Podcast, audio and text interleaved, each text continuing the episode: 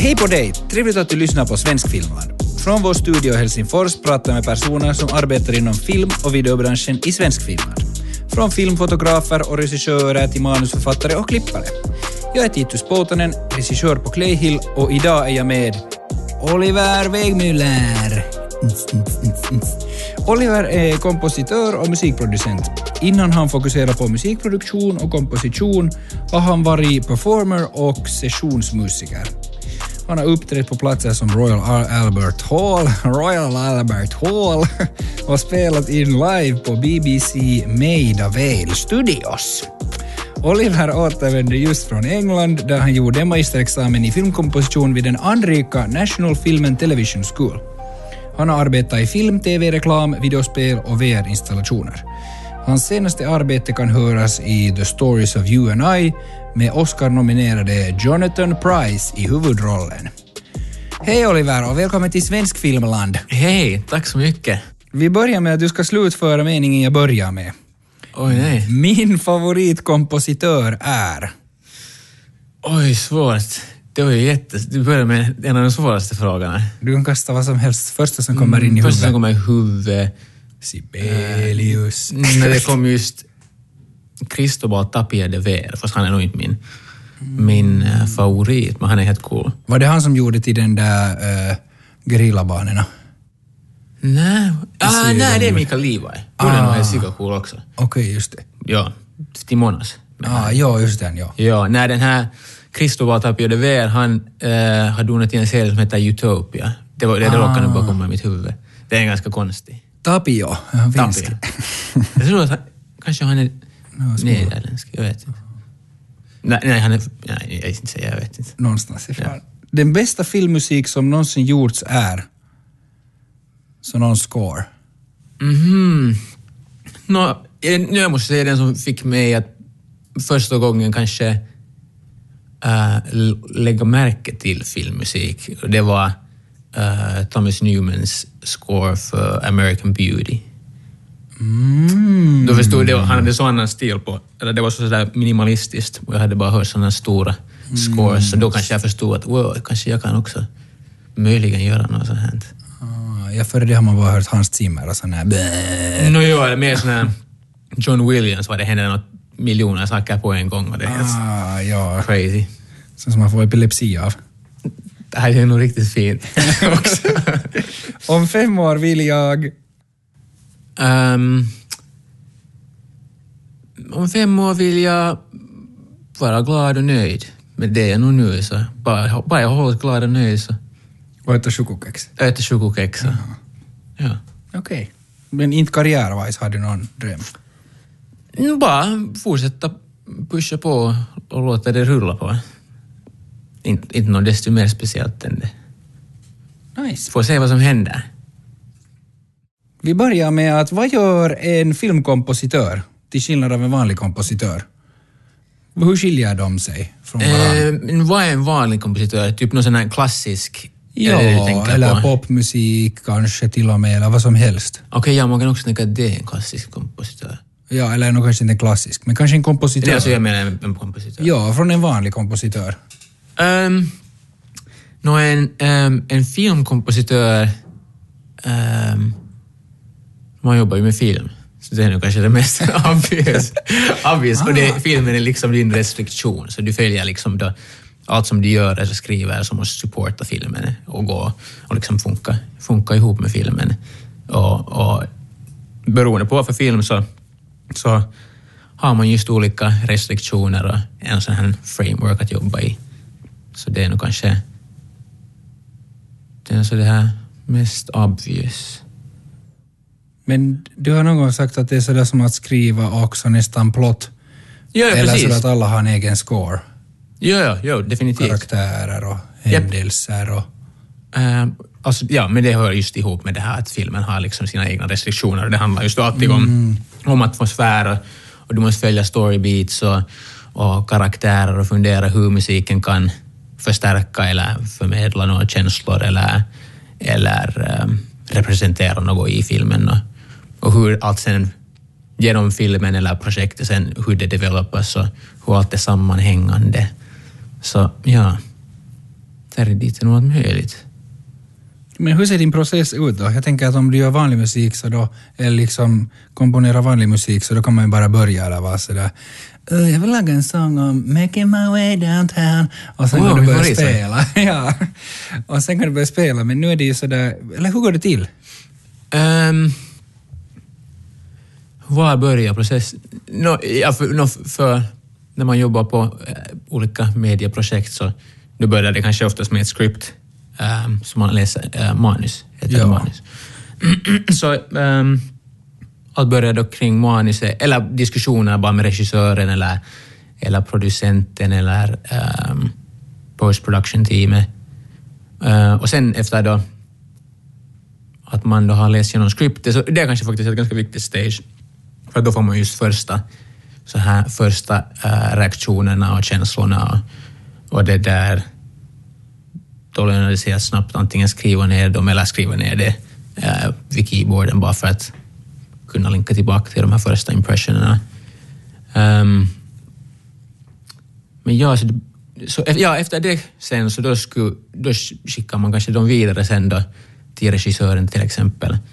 Och eh, sen kollar man vad som fastnar och vad som inte fastnar. Och, och sen så här sakta säkert så börjar man sen shapea um, soundet för filmen eller, eller projektet. Och, Får du referenser ibland? Är det så att regissören kan ha något ja, ja. jätte... Eller är det, vad, jobbar du hellre så att du får referenser eller hellre så att du får ord och verb, nej, adjektiv? No, det, beror på, det beror på schedulen till exempel. Att om det är ett jätte um, tight deadline så det att någon annan har gjort en del av jobbet för dig är ju alltid liksom, det lättar ju på din egen. Men, men sen personligen så tycker jag om själv att, eller kanske mer just att experimentera och, och få prova fram till saker och se om man hittar något, hittar något igen.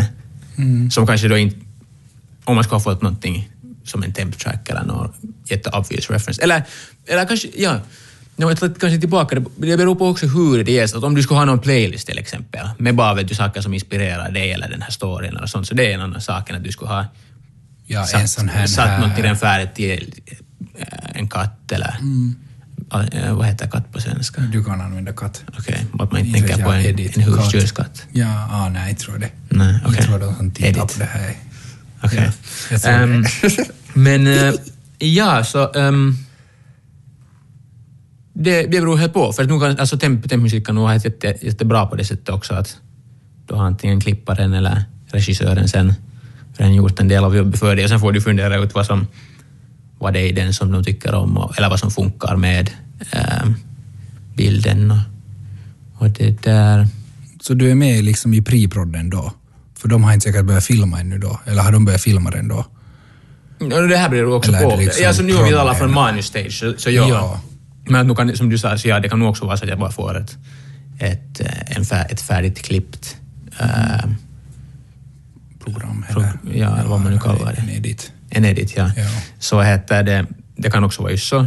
Men att om jag, om, jag, om, om jag blir inblandad i processen tidigare, så då är det just mer så här back and forth med, med regissören och sen så, så finslipas allt genom editen och, och det där. Och då kan det också vara så att om, om du har varit ehm, om du har blivit taken on board eh, tidigare, så då kan det också vara så att de här första sketcherna och grejer som du har gjort, så det kan du sen ge till klippet. Och så kan de istället för att du tempar med Ja, Hans Zimmer, också- så ja. tempar de med din egen musik och det kan redan äh, vara bättre för projektet på det sättet att Ja. man inte blir kär i tempen eller ehm, det kanske redan har på något sätt det är så här musical language som du kommer, eller ni har riktat er på. Det beror på. Men är det i många fall så att det då har hittats på före? Eller liksom sådär... För det måste ju döda egentligen ganska mycket kreativitet om du får färdigt sådär att det ska låta så här. Mm, Eller, eller vad, hur tänker du kring det? Är det så att det som att någon gör ditt jobb före du och du fick aldrig tid med att försöka bolma? Ja, jag har förr haft helt jättestarka känslor nog, eh, om det. Och jag, tycker att det, jag brukar till exempel inte själv heller lyssna på musik när jag börjar jobba på något nytt projekt. Ehm, så det där, för att undvika någon sån här jätteobvious uh, influenser eller, eller idéer om jag ska lyssna på något på morgonen så är det ju säkert det som spelar i mitt huvud. Ja. Ehm, men vad heter det? Ja, med det här med temp så... ehm, ja, det är svårt att säga. För att nu, kan nu, nu har jag kanske kommit fram till också att det kan nog vara jättebra på det sättet om det är tight deadline. Så det där... Då kan du redan, det kan redan, vet du, klipparen ha kommit fram till några entry eller exit points för själva queuen eller vad för tempo som passar med scenen. Och sen är det ändå, sist och slutligen så måste du ändå hitta på någonting eget av det. Vet du, och se hur du kan göra det till något som passar sen filmen sådär mer autentiskt. ja. Om det inte är något helt megabra temp. Det att göra filmmusik är säkert det svåraste som finns i att få referenser eller inte få referenser. För alla vill ju göra sin egna vision, alla vill ju kontribuera till det tillsammans. Det ska inte vara så att regissören går runt och pekar och härjar och skriker och sen ska alla andra göra det som den säger. Utan det där magiska händer ju då när det blir en sån kombo, alla talar samma språk. Men sen säkert med musik skulle jag nästan säga att det är det svårt, fast jag själv, fast jag själv har, eh, eller sådär själv har komponerat musik så tycker jag det nästan är det svåraste sådär att förmedla. Vad man har i huvudet eller? Ja. Ja, det är nog, sant. det är nog ganska abstrakt på det sättet. Ehm, så ja, det är nog, det är nog tricky. Men nu skulle jag säga sen att vet du, referenser på det där sättet att man typ just har några alltså, diskussioner och, och, och eh, fast någon playlist med referenser för några moods och sånt är helt, helt, helt fine. Eller det är liksom nog bra. Då får man en bild och sen kan man ju sen pusha det till något e- eget eller ta det vidare eller hitta några vissa element från vissa, vissa jut- jutton vilka man tycker är nice. Det som i alla fält så är det så viktigt att bara sitta och, och prata. Yep. Eller typ, och så, så det som det aldrig nästan finns tid för eller budget för. Mm. För att det där, nå nå möten finns det, men sen borde nästan gå från möten går det ännu vidare till att bara sitta och filistele och fundera och ja. hitta på. Yep. Men jag skulle nog säga att min process är nog ändå ganska mycket sånt. Eller det blir automatiskt för att jag kan tänka, you know, vet du, på själva shooten och sånt så då händer det bara. Men när, i postproduktionen så nu är det ändå alltid vet du, back and forth notes och idéer. Och, Mm. Ja, eller, eller i alla fall i min experience. Ja, ja, det finns ändå tid där för det. Ja. Men- och, ja. Men vad händer sen när du har då en idé? Hur börjar du sen? Eller sen så att du börjar göra lista sounds och hitta på att oj, det här är sista synt. Eller hitta något sample som det delar ett instrument. Eller hur börjar det? Menar, det är en hel score som måste göra. Var börjar du? Man börjar från noll. Det är, nog, ja. det, är nog kanske det sådär...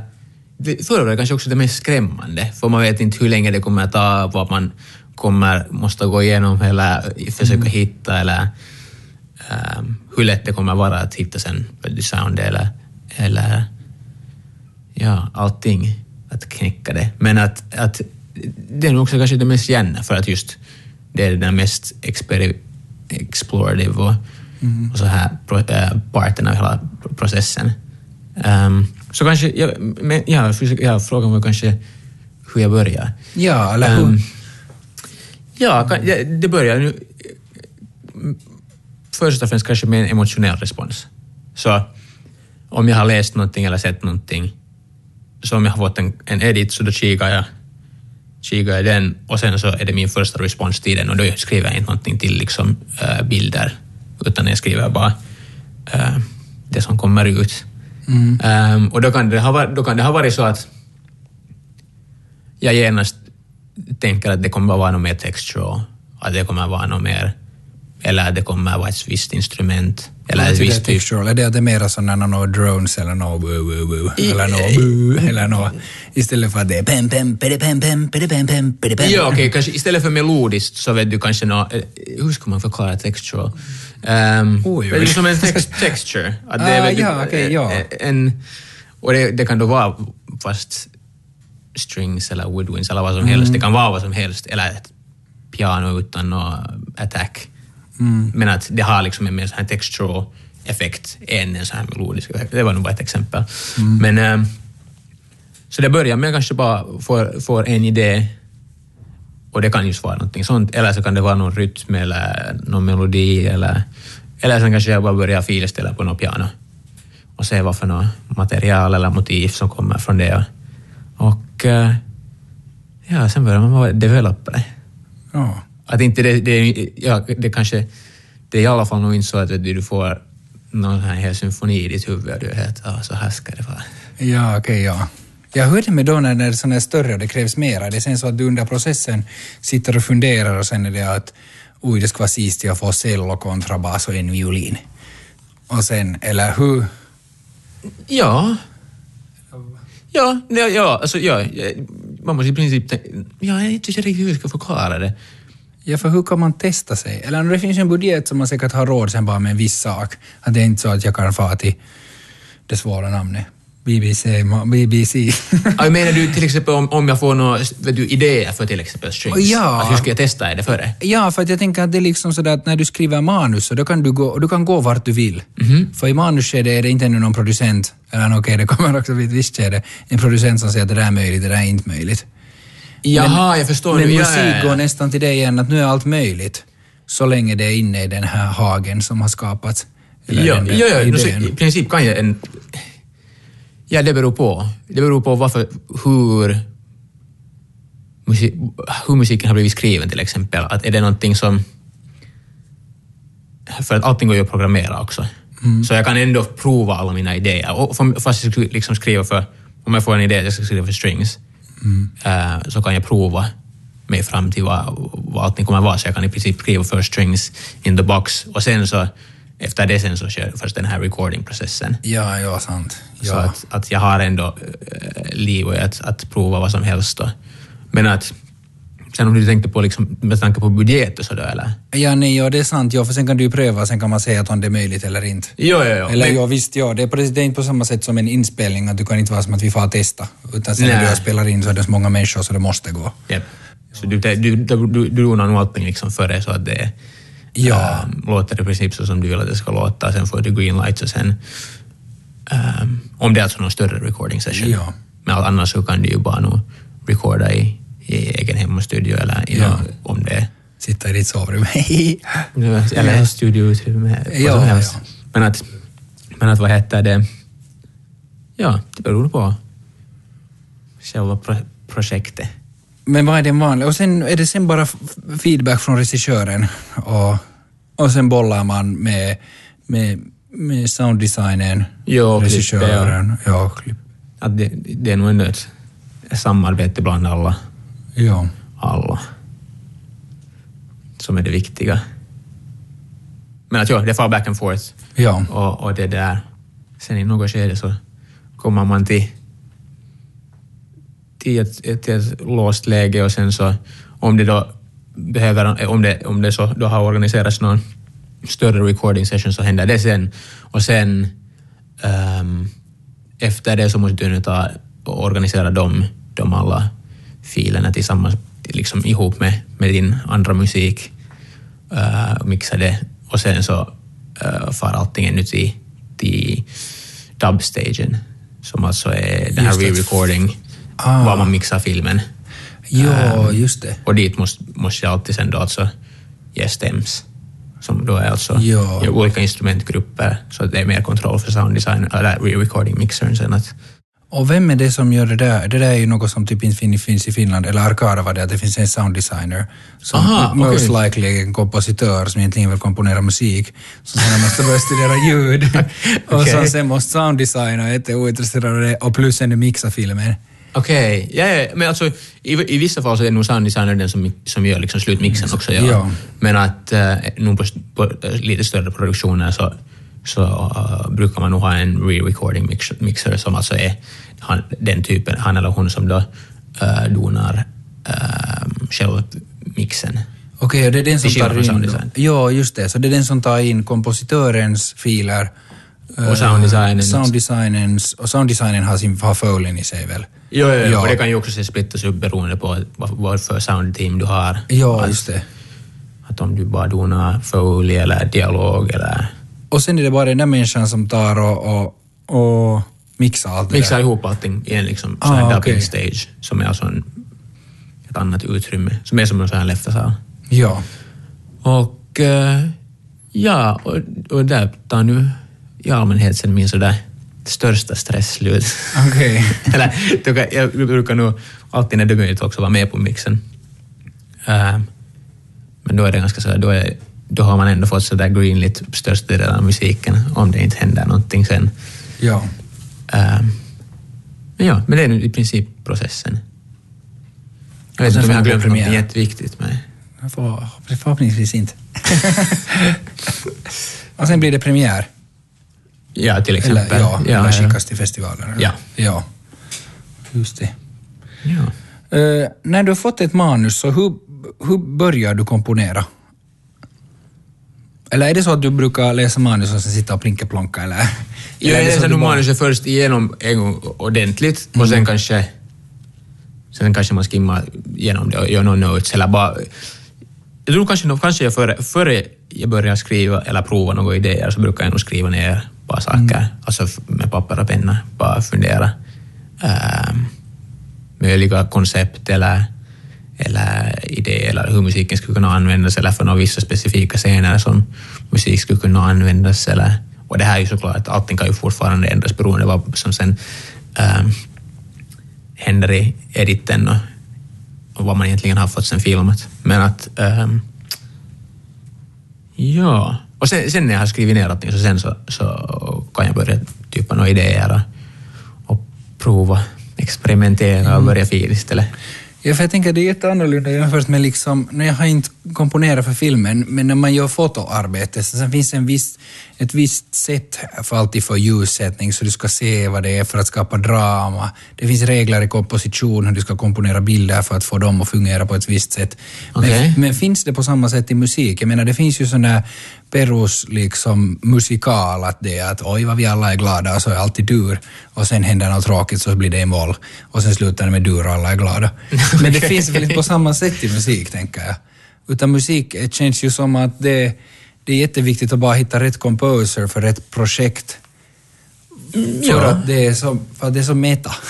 Ja, det är helt jävla meta. det är det inte ganska meta. Eller för det kan, det kan vara vad som helst. Ja, det, Det det, finns ju säkert minst rätt och fel. Ja, och mest sådär... Eller inte vet jag, det är svårt att säga för att jag gör ju inte något annat. Så jag kan inte riktigt jämföra, men, men ja, det är ändå helt jättemycket, alltså jättemycket, eller i alla fall personligen, jag tycker om att, att get lost i någon experimentation och, och prova något. Alltså, det är också kanske en kombination av att, att det har i alla fall blivit så nu att, att en composer också, också i princip är musikproducent. Så att vet du, det är väl du sounddesign-element och allt möjligt som du kan, du kan hur du kan finställa och, och, och dona musik. Men det är ju sen helt personligen.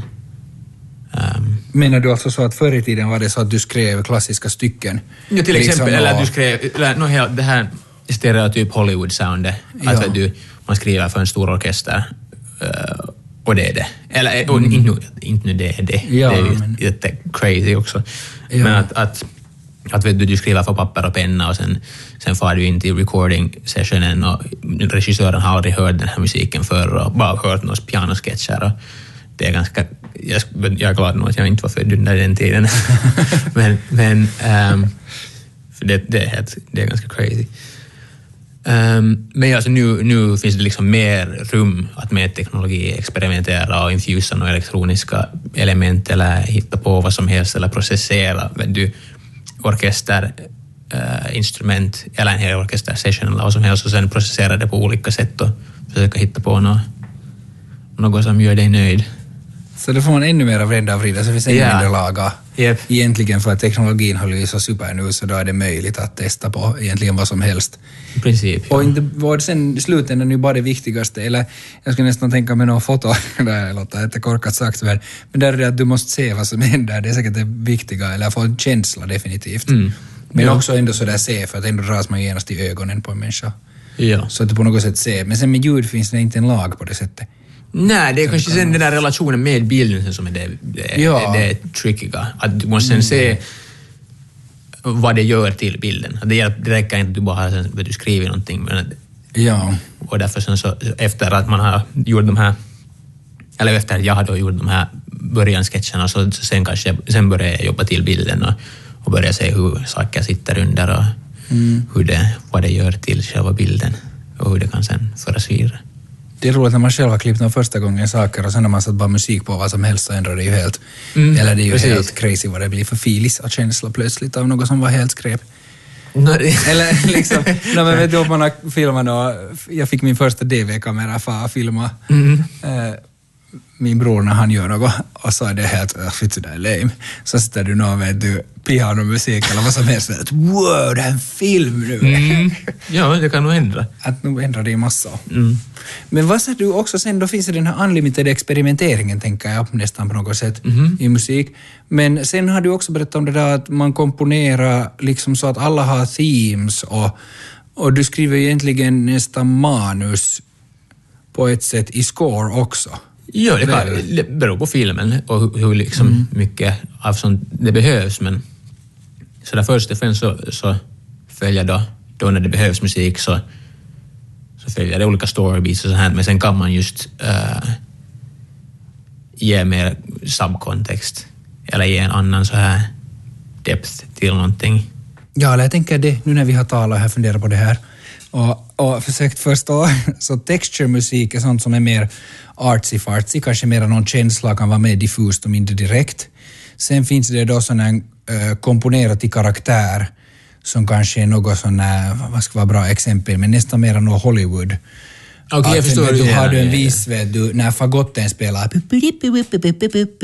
så kommer den här att komma fram snart, den här karaktären. Jo, jo. Jag, men jag- kanske ser det som att det kan vara en kombination av, av allting. Att till och med de där juttorna, som du, såna motiv, sådär, mer sådana obvious motiven som du funderar på, så det kan ändå vara, du, det kan, vara, det kan till exempel bli så strippback att det bara är ett, ett sound, till exempel.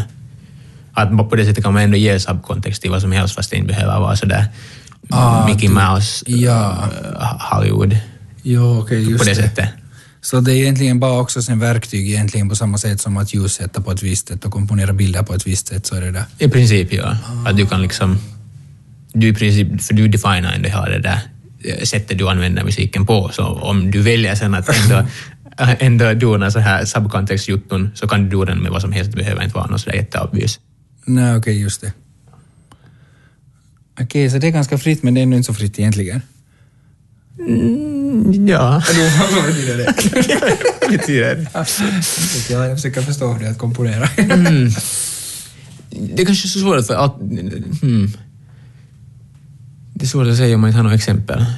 Kanske. Ehm, Hur gjorde du, det är ju bra, om vi tar som exempel den där The Story of You and I. Hur gjorde du där? Hur gick processen till där? Eller hur var det i det här? Det var, det var lite annorlunda än sådär, mer sån här fictionfilm till exempel. Eller liksom var man måste jättemycket följa olika storybeats eller, eller eh, gui- någon guida eller hjälpa eller, eller sådär. ehm, Ja, hjälpa tittaren att förstå eller ja, eller ge någon sorts, li, li, någon sån här hints eller vad som helst. Eller kanske bara eh, hjälpa med någon tension eller, eller vad som helst. Så det är kanske det där normiga. Men det här Stories of You and I, det var lite annorlunda för den är, den är ganska sådär mm, poet, poetisk sån här öppen film. Var, var det Ja, jag, vet inte- jag vet inte hur jag ska förklara det, men, men där är liksom, det är i princip musik nästan genom hela. Ehm, och det är mer så här broad eh, strokes på det sättet och fokuserar i princip bara på känslan. Um, för det stöder så här, den här Filmer. film, filmen och dens VO och, och så här. Att det kanske är ett lite konstigt exempel. Men jag menar, vad skulle vara något bra exempel? Vad man, äh, om jag funderar på någon film så var vi, äh, jag hade kikat på Prisoners.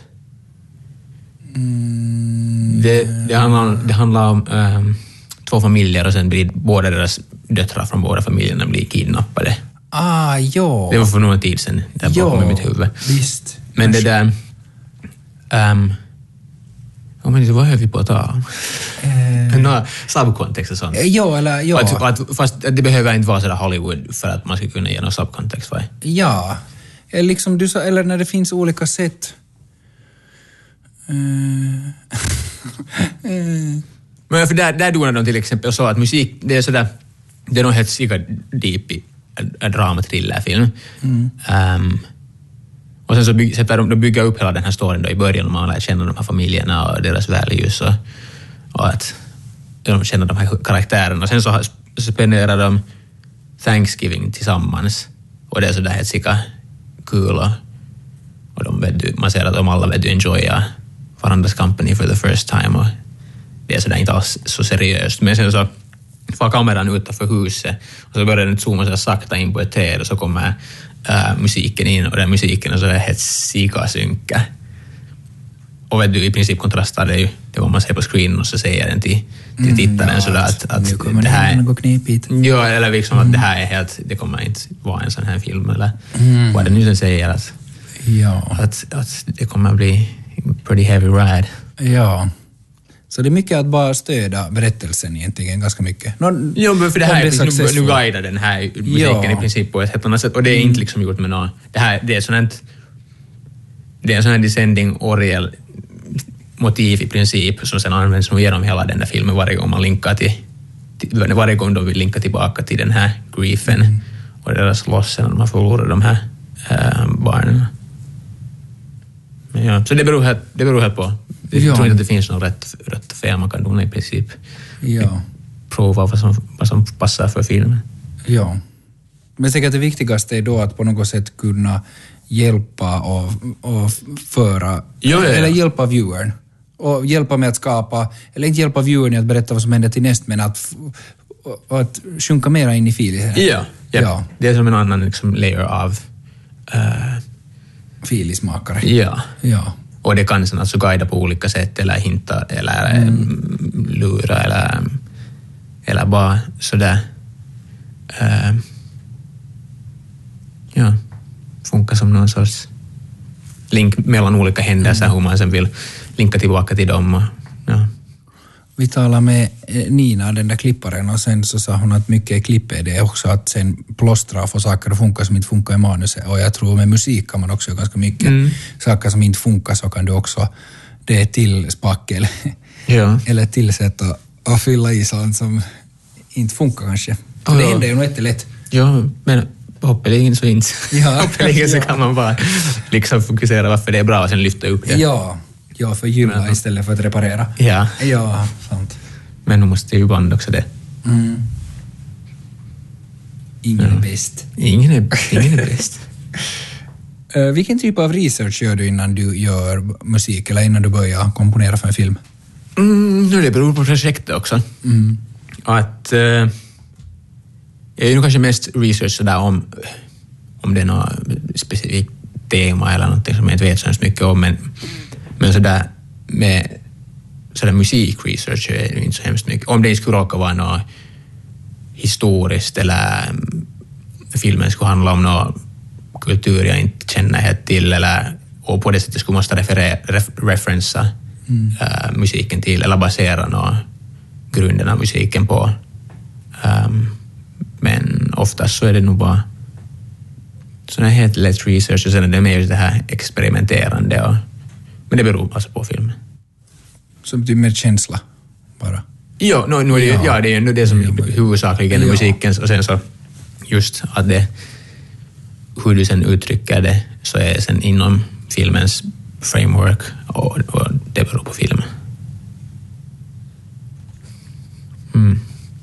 Nice. Ja. nice. Eh, hur viktigt är det för dig att komma överens med regissören? Liksom, gillar du mer frihet eller vill du ha jättehård riktning? Tycker du mer om att själv få hitta på eller vill du ha guidelines? Eh, nu en kombination av båda, men nu, eh, det där hur man ska komma överens med regissören, så det tycker jag nog man alltid ska. Det ska man alltid. ja. Man har inte börjat sova eller? Nej, men man måste nog komma överens med hela teamet, det är nog det som är sådär grunden till allt. Eh, men ehm, Men det kan ju inte alltid ha gjort det. Eller det gör ju Alltså inte menar du det. sådär, äh, ja, menar du sådär att man äh, har samma åsikter kanske? Ja, eller att man på något sätt sådär drar i samma rep. För jag tycker det händer ändå ganska... Jaha.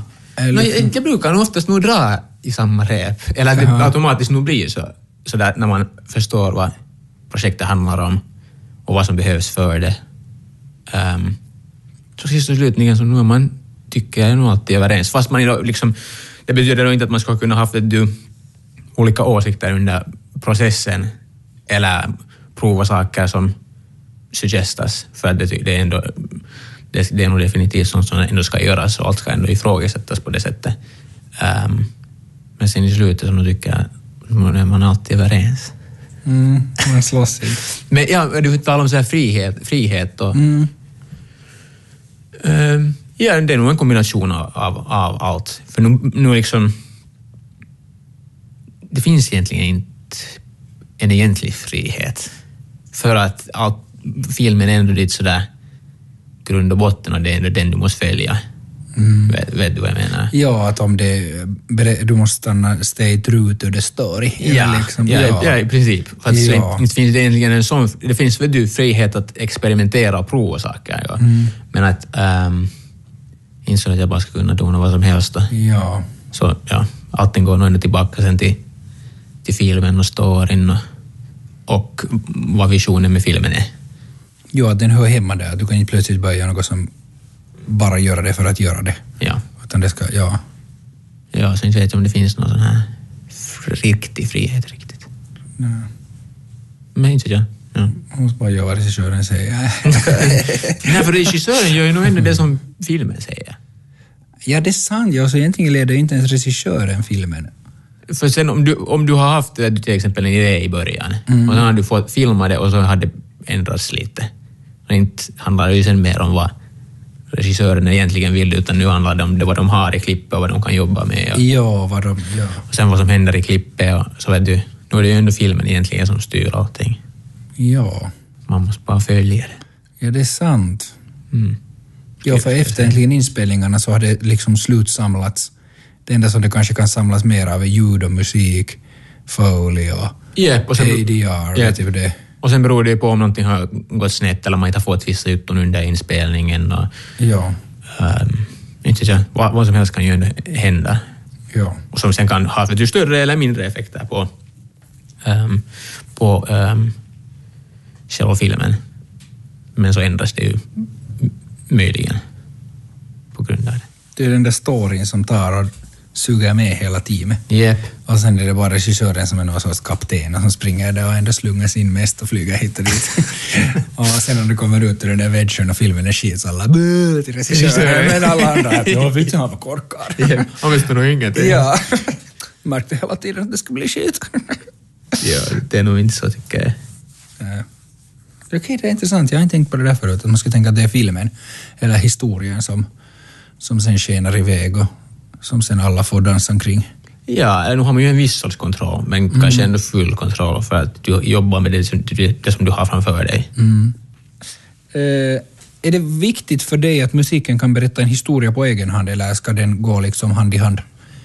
på egen hand. Nu, ja, det här kanske så lite som vi diskuterade tidigare, att, att nu handlar det...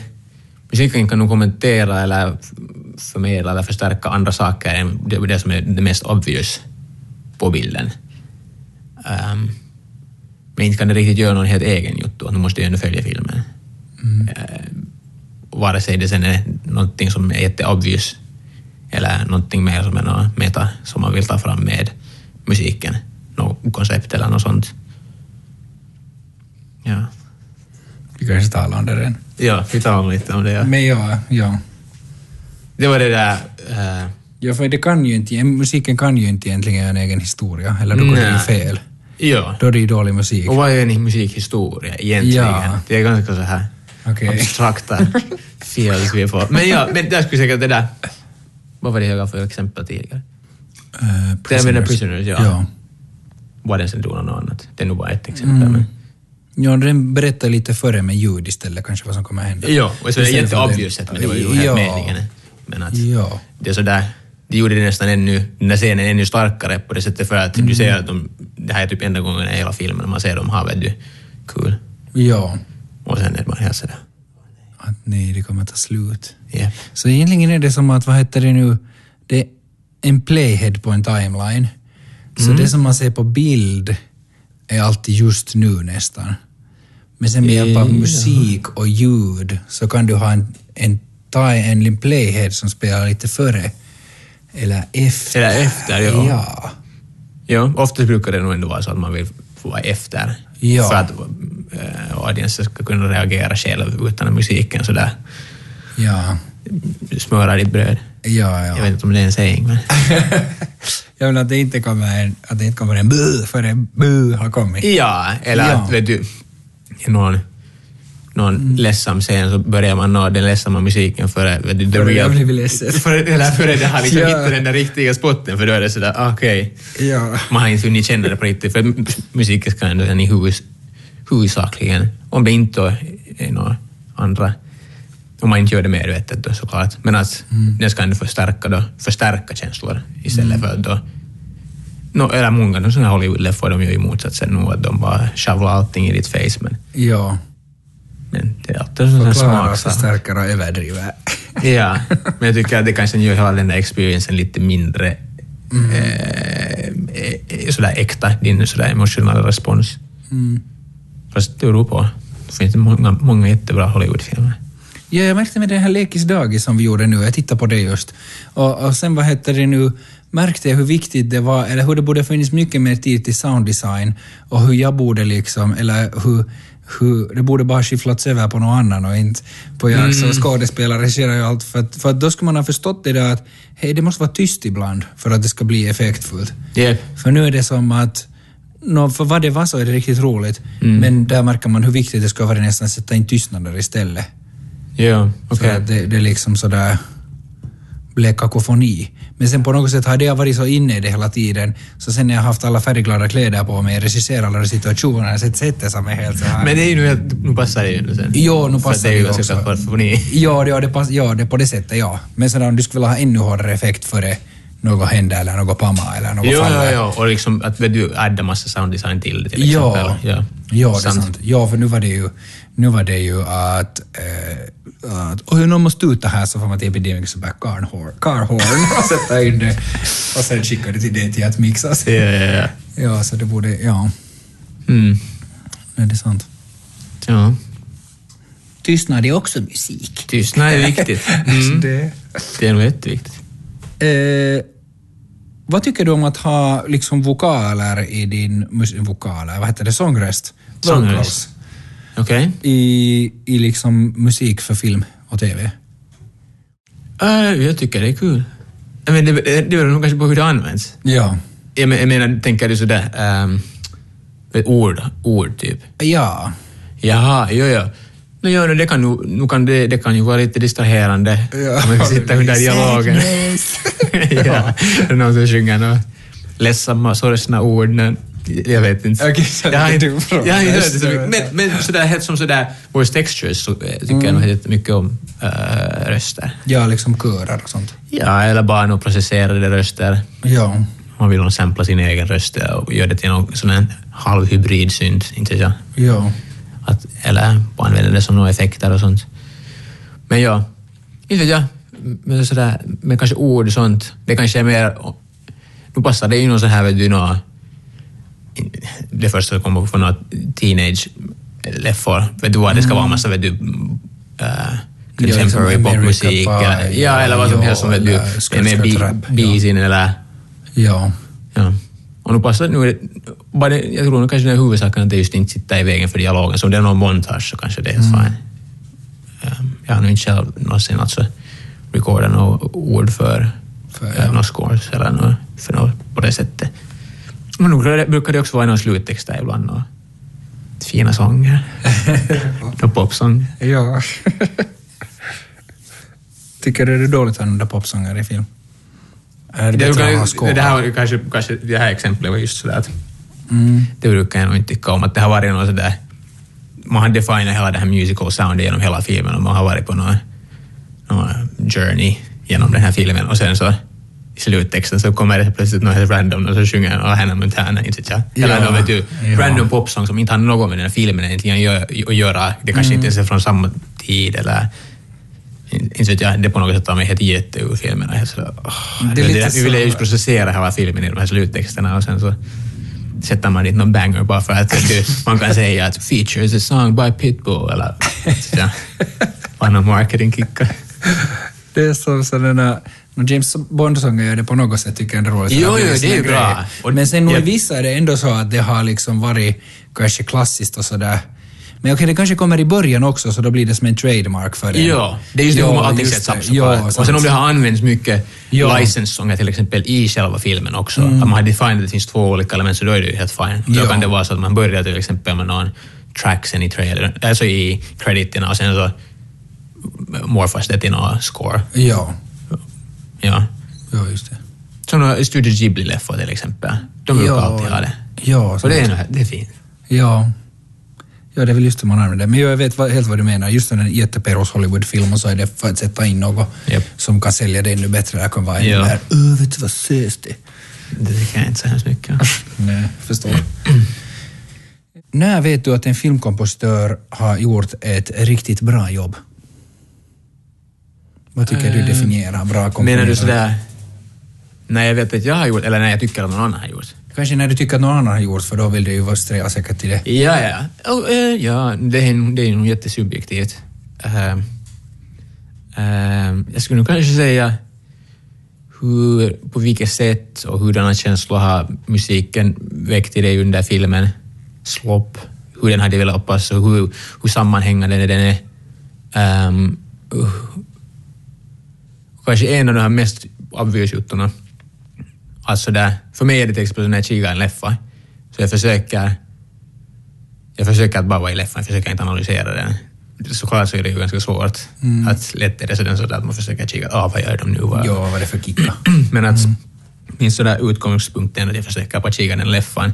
Och oftast är det så att sen om jag har börjat till exempel försöka lyssna vad musiken gör, ehm, så om jag sen glömmer det snabbt, så då är det sådär, då är det bra. För att poängen är ändå sen den att det det är inte meningen att det ska något mega stå ut, utan det ska ändå supporta filmen och, och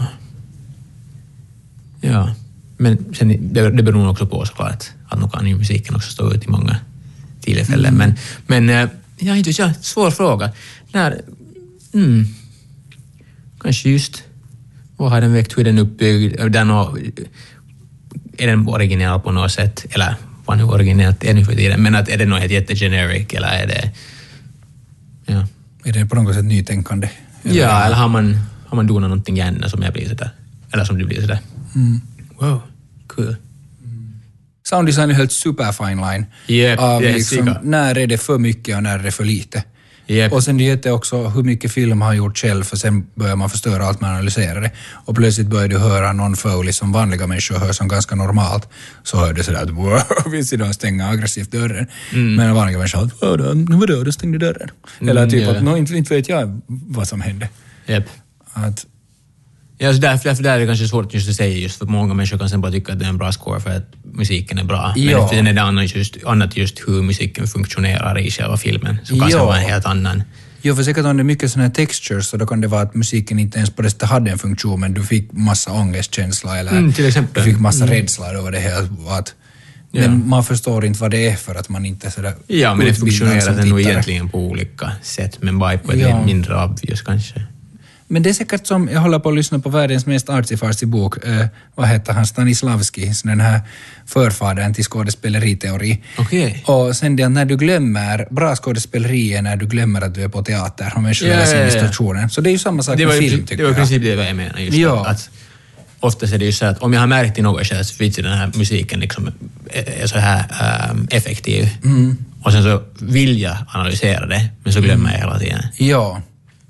Då, är- då är det liksom Och det bra. absolut bästa fallet är sen när du liksom glömmer hela ditt jobb, för, eller det att man jobbar med det, så att man tittar på det med andra ögon. Så Mm. Ja. det att du bara är inne i det och, och suger in det och bara inne i den här situationen. Det är att, äh, det är fint, uh, det är så snyggt. Äh. Och du kan, du kan liksom sådär att nu orkar jag inte sätta på jobbglasögonen. Japp. Så egentligen det som är de absolut bästa filmerna är då när man glömmer hela Japp. sina jobbglasögon. Och nu är det ju ändå kombinationen av allting. Ja, Men att, ja. Det beror på vad du fokuserar mest på. Ja, och sen ännu vad du har för känsla före du börjar titta filmen. Ja. Vad du är sugen på eller sådär. Japp. Det är sant. Ja, du har gett jättediffusa svar. Jag tänkte mina svar är diffusa, men allt är helt jättediffust. Det hade varit diffust, det var ett bra svar. Tack så mycket. Jag har märkt själv när jag lagar musik att ibland så börjar jag fastna på att bara gå igenom olika syntljud och testa olika ljud för det är bara spännande och sen blir det aldrig en sång utan jag sätter bara och testar syntljud. Så händer det här dig någon gång? Uh, jag kanske inte, inte test, test, jag har nog testat synt. Mer sådär, du vet, du börjar laga någon patch, någon syntpatch och sen så finslipar du på den i någon dag. Inte så, det händer, händer, det beror ju på hur mycket tid man också har, men ehm, jag, tycker just, jag tycker nog om sånt nördande, vad man blir fast i någonting, eller vet du, någon, någon mixningstrick eller försöka göra någonting helt mm, eller processera någonting på olika sätt. Och det kan ta helt jättelänge, som inte är själva att skapa den här musiken, men det är något visst element i musiken. Och, ja. Slipa någon minihelhet Ja, länge och sen som kanske det typ, inte för mig kan det ha tagit tre dagar, sen hör någon det och så vad är det där för sång? Okej, okay, nice. Men jag har suttit där med några hundra olika processer och försökt nå säta på det. Ja. Men är det då så att du har en vision före du börjar eller börjar du och sen börjar du leka, det är roligt och Jo, jamma men sådant och så är det nog så att, att kanske just att, att leka och prova saker, om det blir till sådana över liksom, till exempel, vi säger att du har nog ett visst sound, typ det där, och sen börjar du nog stretcha det, sätta det genom några olika plugins och mängla det och sen till slut har du någon synapad av det och sen äh, ähm, samplar du den padden och sen så mixar du den där synten på några olika sätt. Inte så jag, du, vad som helst från någon random jutton som sen kan ta här sika länge och sen använder du nog en liten jutto av det en gång i, i ditt projekt och det är så här, wow, det där är coolt. och det, ja. Så jag, jag tycker nog om sånt. Man kan fastna i det. Man kan fastna i det, ja. Ja, jag brukar bara sitta och scrolla presets, men du börjar laga egna presets då. Ja, jo, jo, jo, jo, ja, absolut. Och nu, om, om det är något Ice for Time så såklart nu kan man scrolla igenom presets men sen måste man, brukar jag nog sätta på dem. Det är bara lite sådär tråkigt sen vet du, du sen vet du, hör min nå musik och sen är det såhär Åh, är det där den där nummer 23 på? Ja, det är sant. Ja. så. Men, men just om, man- om vet du, Det där är som 70 procent av, eller nej, nej, 95 procent av allt man hör som använder Epidemics musik. Det kan bra vara, Ja, alltså, jag. har blivit helt, man känner igen. det är sa, riktigt samma sound. Ja, alltså det är samma Okej. sånger, helt samma sånger. Åh, wow. Alltså, för att Epidemic har tagit över världen så mycket och alla bara använder det som stock. wow. Så du kan höra det överallt. Wow, jag måste lyssna. Men ja, nej, jag tycker nog om att liksom göra helt från scratch. Man börjar med någon sine wave och- sen så börjar man bara sätta med synten och, och hitta på. Mm. Ja. Om vi nu talar om syntar. Ja. Ja. Kan du, du kan göra samma sak med då vanliga instrument också, du kan börja sampla dem och och fixa på det. Ja, Att ja. ja. nu kommer man göra vad som helst med vad som helst. ja. I princip. Är du mer för den där att liksom tappa bort dig i den här kreativa djungeln och se vad som händer med olika ljud, eller det att få det gjort, en helhet och få det liksom så slutfört? Det beror på hur stressad jag är. Ja. Men man är lagd ofta som någon dera, tror jag. Jo, jo, alltså det beror på i princip hur mycket tid jag har. Att vet du, antingen så, det var det jag menade med, med hur stressad jag är, att hur mycket pressure har jag på mig, att måste jag liksom få material, material, material, eller har jag liksom rum att, vet du, Grubbla. grubbla på något, ett sound. Ja. Ehm, så det beror på.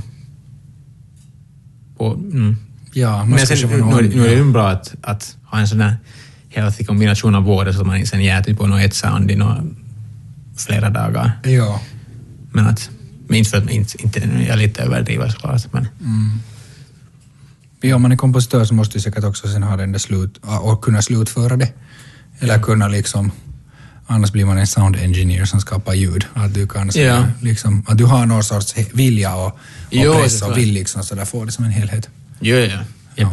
Det är bara sån här, ja. Allt gör ju sen upp den där helheten. Mm. En blandning av allt. Mm, Sant. yep. Vad är ditt drömprojekt? Drömprojekt. Ett bra team. Ett bra team. Ja, det där, det, ehm, ja. Är det bättre, är det viktigare än att en film skulle bli helt bra? Nej, jag tror att med ett bra team, team så gör du en bra film. Så jag Ah, menar okej. sådär att, att om det är sådär bra samarbete och mycket idéer som bollas omkring och, och, och det är en sån här, hellre en sån här öppen och inspirerande miljö. Så det är nog ändå, tycker jag, det viktigaste för sen då, då kommer du liksom på sistiga saker tillsammans och, och det där. Då har kanske inte det där själva projektet, men no, högst antagligen så har du nog ändå något intresse för det där projektet.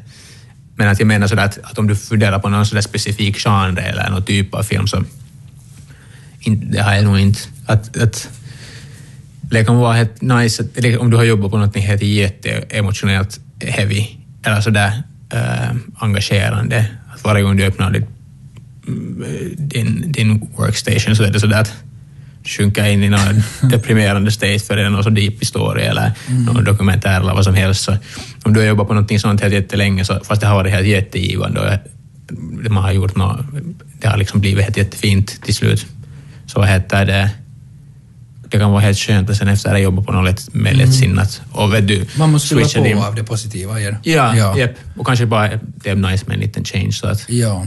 skulle jag kunna säga att jag skulle vilja jobba på några deepiga draman. Mm. eller liksom välja en sak och sen göra det resten av livet. Men inte så. Kanske det skulle vara helt fine sen. Kanske man sen blir helt namn till det. Ja, och det är enda gången man eller, känner något överhuvudtaget. Ja, eller så man är någon konstant sted av något depression bara. Ja, fortsätta skriva deprimerande musik och gå djupare ner hela tiden. Mm. Det kan ju vara, det kan ju vara smart faktiskt. Men vad känner du? Du känner inte att det måste liksom någonsin vara... Förr i tiden tänkte man ju att man måste, eller inte vet jag man tänkte förr i tiden, men på något sätt gammaldags den här filmbilden att det är hård hierarki och man är lågt nere och du ska lida för att kunna skapa något bra. Mm, jag tror att det är en sån här automatisk del av processen. Ja, man kommer lida ändå. Man lider nog i något skede nog ändå. Ja. Um, på ett eller annat sätt. Mm, så man behöver inte sätta in den extra för att man lider oberoende? Uh, no, beroende på projektet så måste liksom, det kommer nog en add, added, ett added lidande beroende på projekt, projektet såklart. Så jag kommer ihåg när jag jobbade på några, det tyngsta projektet jag någonsin har jobbat på, som var just, det var en en dokumentär uh, om uh, regissörens kompis uh, som hade dött i cancer och, och det handlar om hennes sambo som skulle flytta ut ur deras camper. Och det var nog det tyngsta projektet jag någonsin har jobbat på. Och för att försöka skriva någon musik som känns så här genuin till uh, hela filmen och materialet och på samma gång försöka sådär identify med dem på något sätt och känna deras känslor. Det var nog ganska... Det var en mörk period ja. i mitt liv. Sen när det slutade så kändes det som sådär allting på något sätt lyftes från mina axlar. Jag var att åh, nu kan jag börja jobba på något annat. Men det var, jag tyckte jättemycket om alltså, den där filmen och det var ett jätte... Mm. Det var, ja, det var ett nice projekt nog. Men om jag skulle måste jobba på det projektet för resten av mitt liv så skulle man... jag vet inte vad som skulle hända. Och ganska trasig och utarmad. Ja. ja. Så ja, en, en, en healthy kombination av allt. Mm. Eller sen så skulle man måste ta några pauser, tror jag. Mm. Så att man inte går sönder om man jobbar på någon mega deep. Men ja, huvudsaken är det här äh, typerna. Ja, ja team är viktigt. Eller det är viktigast. Jo, ja, det är ändå så sådär nära samarbete också just med sounddesignern och, och klipparen. Så, mm. ähm, de har en stor inverkan och du har en stor inverkan på deras och ditt eget jobb också. Så det är kiva om det funkar. Man, man slåss minimalt? Jag är inte riktigt sådär som slåss. Ah, okej. Men ja, så minimalt, ja. ja. Du har tittat på Svensk Filmland och jag måste tacka för dig Oliver Wägmüller för att du kunde vara här idag. Tack så mycket Titus. Det var trevligt att vara här. Minsann. Tack så mycket. Hej då. Hej.